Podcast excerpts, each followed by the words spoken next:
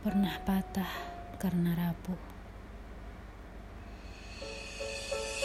Tapi itu semua akan hilang termakan waktu. Seraya mengikhlaskan, ternyata banyak hal tak terduga datang di hari-hari tak terencana. Begitu pula hari ini, ada seorang datang dengan senyum yang paling tulus yang pernah kulihat. Tak banyak janji. Dia mengajakku bahagia sampai aku lupa rasanya terluka. Hati terasa sangat tenang. Tidak seperti hari kemarin yang mencekam. Dan aku tersadar Bahagia ternyata sungguh sederhana.